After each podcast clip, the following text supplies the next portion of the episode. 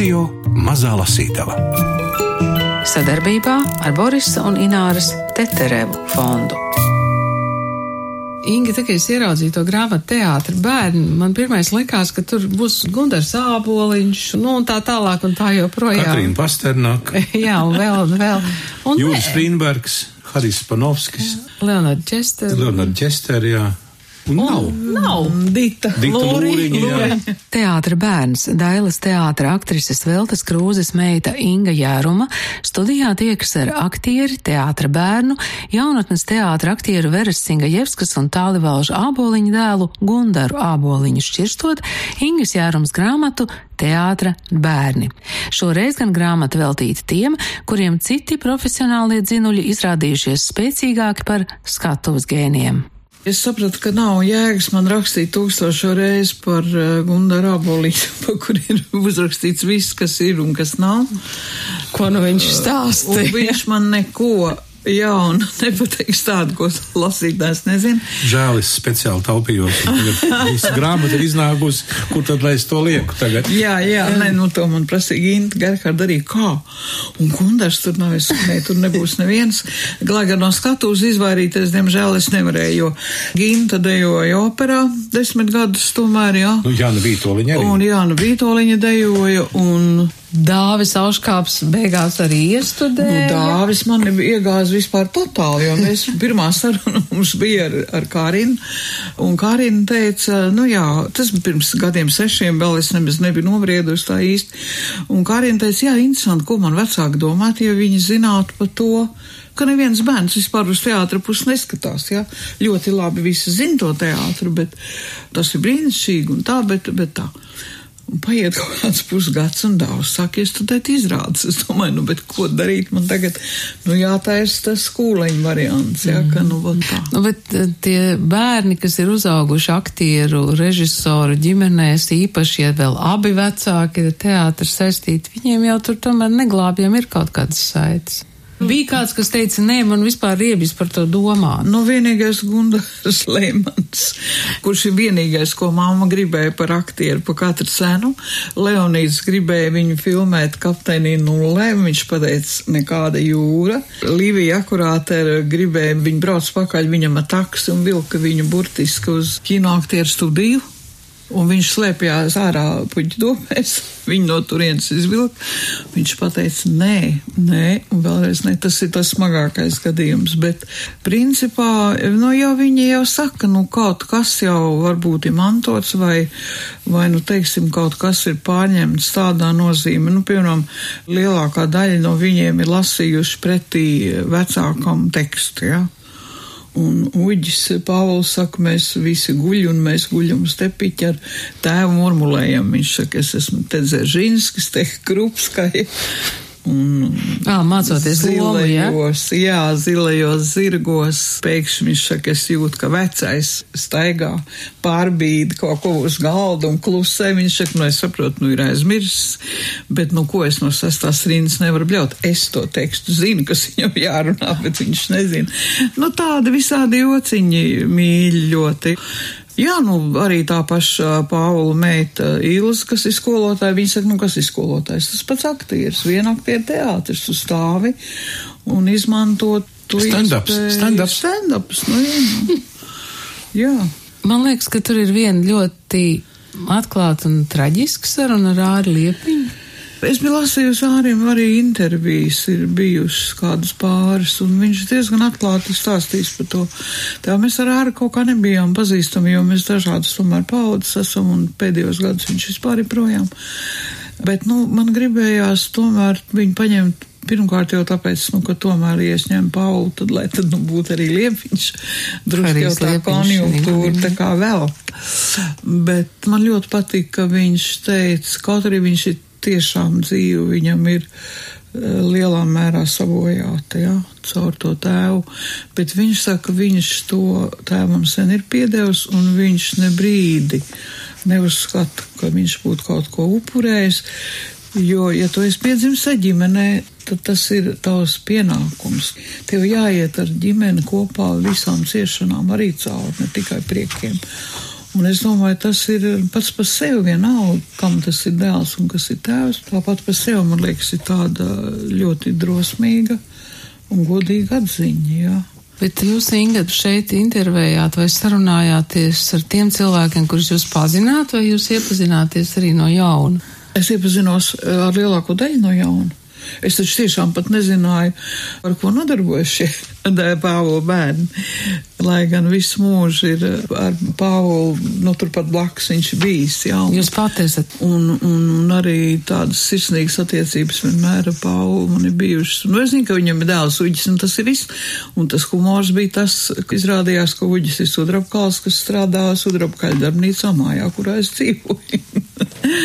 nu, tad es viņu vaktēju, ka viņš nāk ārā pīpēt, un tad es teicu. Nu, tāpat par Ilzi. Zinu, ka meita Ilze, un, bet pat nezināju, ko viņa strādā. Es pat āri nepazinu personīgi, tikai pa gabalu redzēju sliepiņā āri. Es nepazinu Kristapu liepiņu, es nevienu faktiski nepazinu. Nu, Gintu Gerhardu es pazinu no muzeja laikiem, ja, jo es taisīju muzeja avīzīti vienu brīdi, un viņa muzejā lielajā strādā. Dīvaini, bet Gunārs Lēmans ir arī labojis mūsu mājās šūnu mašīnu Padoļska. Un Uģis man ir Omams laulības gredzenu, kuru es tā kā gribēju likt. Viņš pastiep man lielāku to izmēru. Tā kā es skatos vienu pēc otra. Es Gundaram pirms ieraksta prasību, vai viņš grib lasīt par tiem, ar kuriem kopā viņš ir audzis, vai par tiem, par kuriem viņš nekā nezina. Es Es nezinu. par daudziem zinu ļoti maz. ka Te, Jā? mat, nu, jā, protams, te taču atklājas tādas lietas, nu, tu nevari zināt visu. Jā. Nu, Teiksim, nu, par Lienu Jakovļu varētu palasīt, par viņas nekā nezinu. Man ļoti patīk, kā, kā Ginta teica, mēs nedraudzējamies, bet mēs izjūtam viens otru. Un tas ir mums visiem kopīgs. Man nav jāprasa, teiksim, kāda bija tava bērnība. Es ļoti labi zinu, kāda viņa bija. Jā, nu, tāda mums tā bērnība bija. Tāda mums tā bērnība bija. Un kā mēs sēdējām, skatījāmies izrādes pa 10, 12 un 15 reizi, jā, un kā mēs gaidījām vecāks pēc izrādēm mājās, viss tas ir zināms. Sāksim ar Lienu Jakovļevu. Lienas vecāki ir Nacionālā teātra aktieris Girts Jakovļevs un Latvijas televīzijas režisore Dace Jakovļeva, dramaturga Paula Putniņa māsa.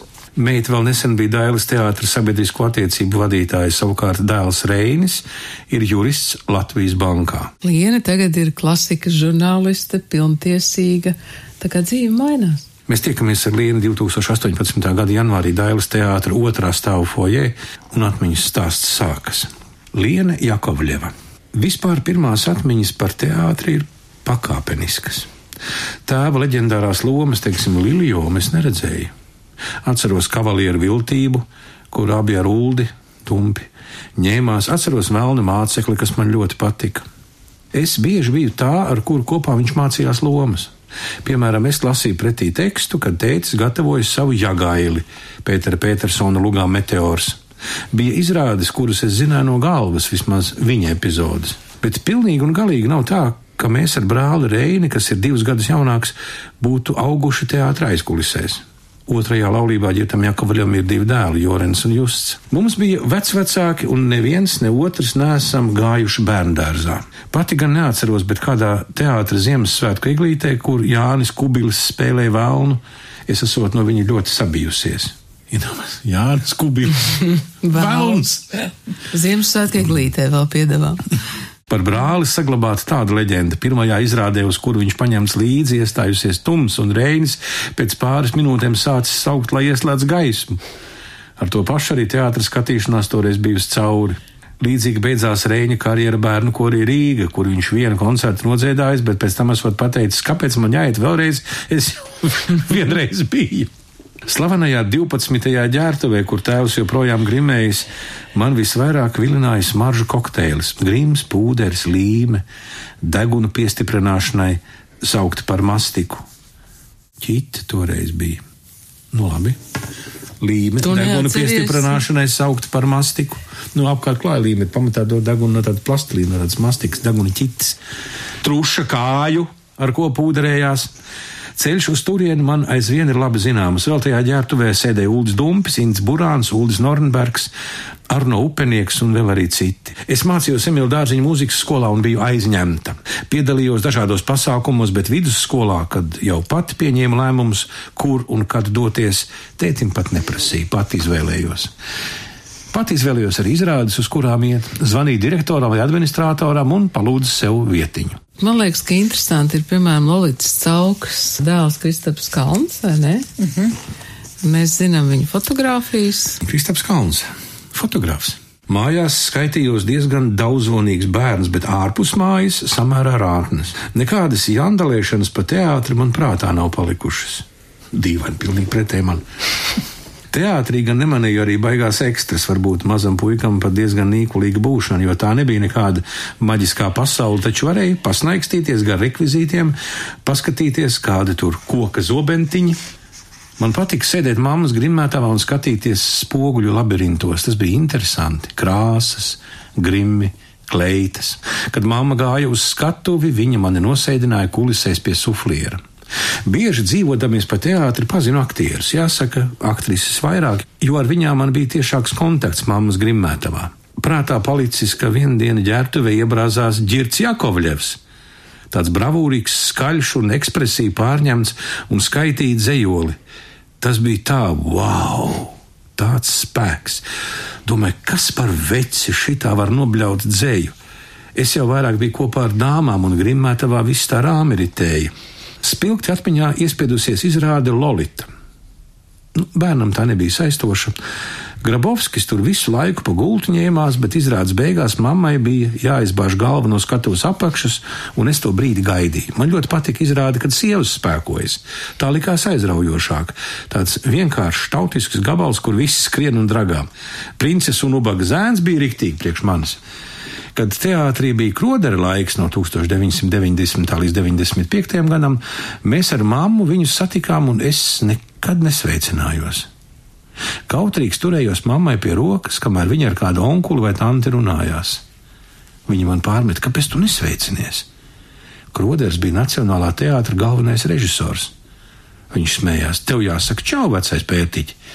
Es esmu jaunais pērtiķis. Tā viņš jokojās vairākas reizes, un tas bija forši.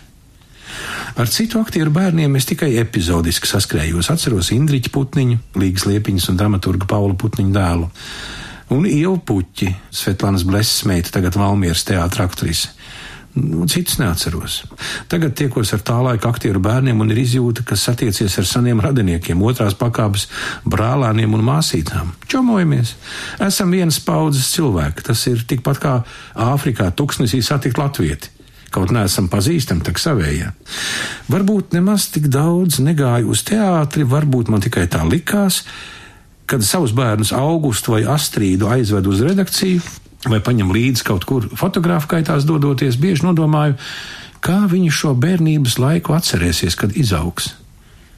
Mani neviens nekad necentās iesaistīt nevienā izrādē.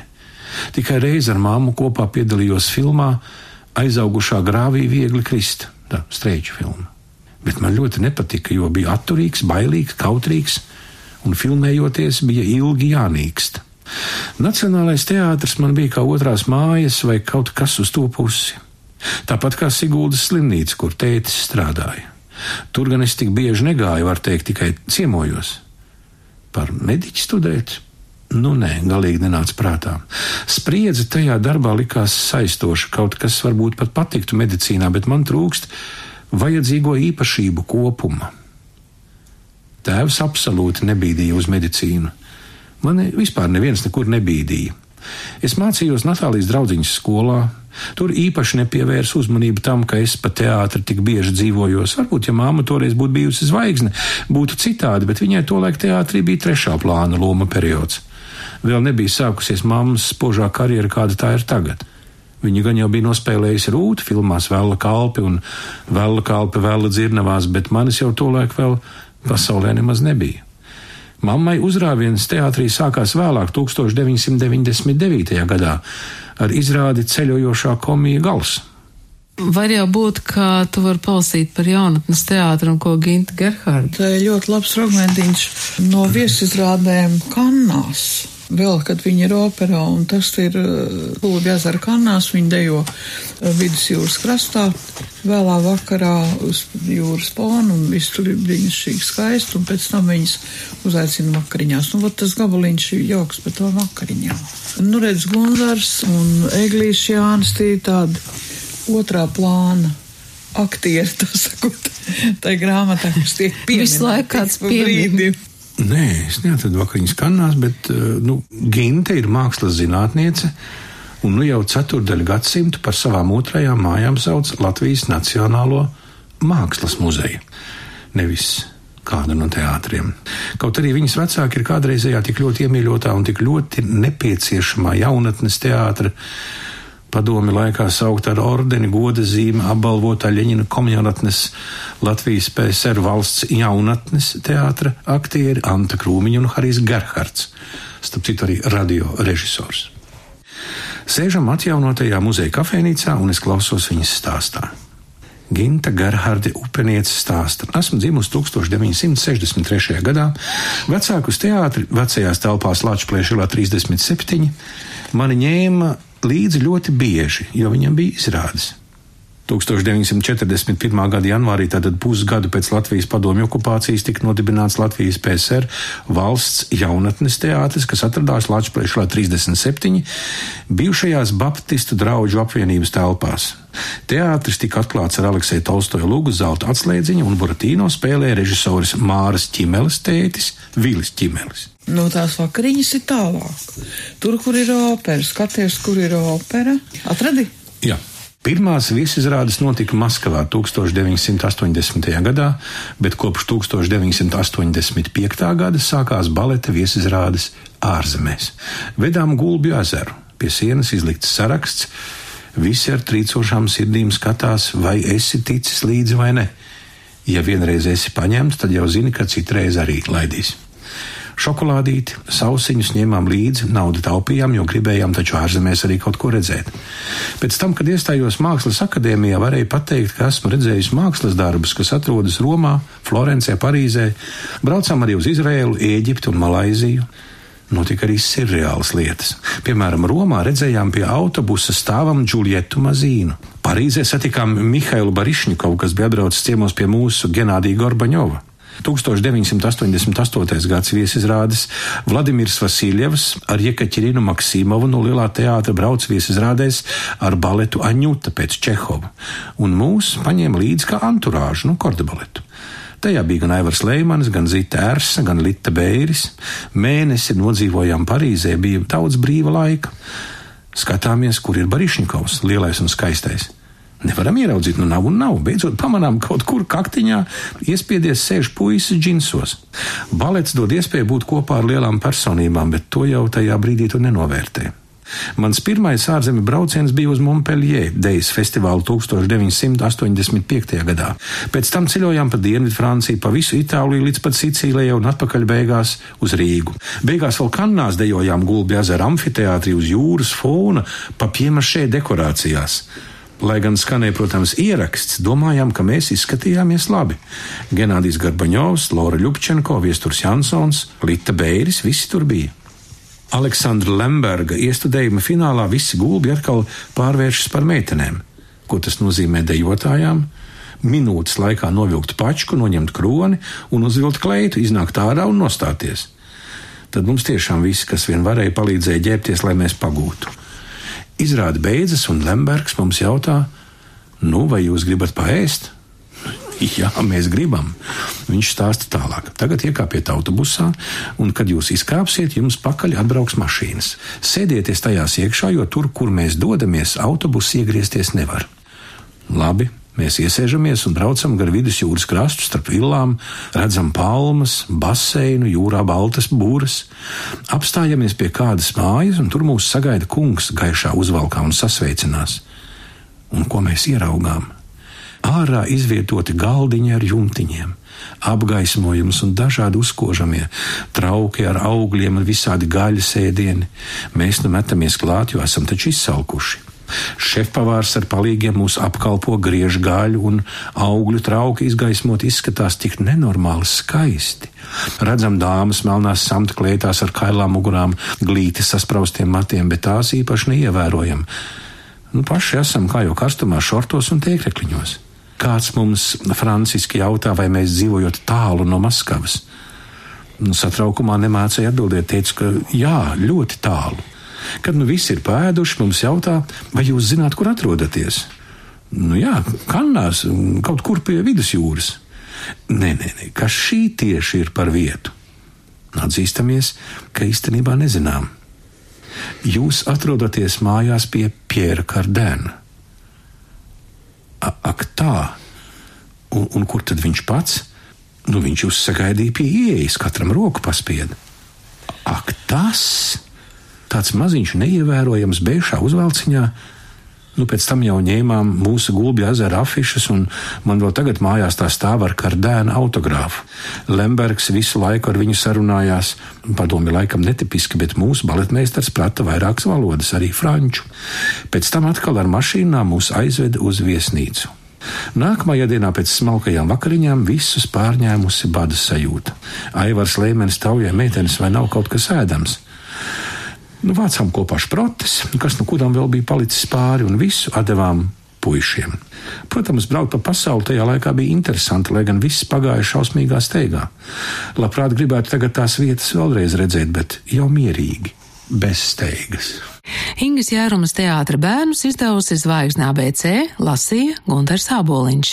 Man liekas, ka tur būs tādas lietas iekšā, kas būs interesantas cilvēkiem. Un uzzināt, cik daudz tas mūs ir ietekmējis mūsu dzīvi, šī paralēlā dimensija.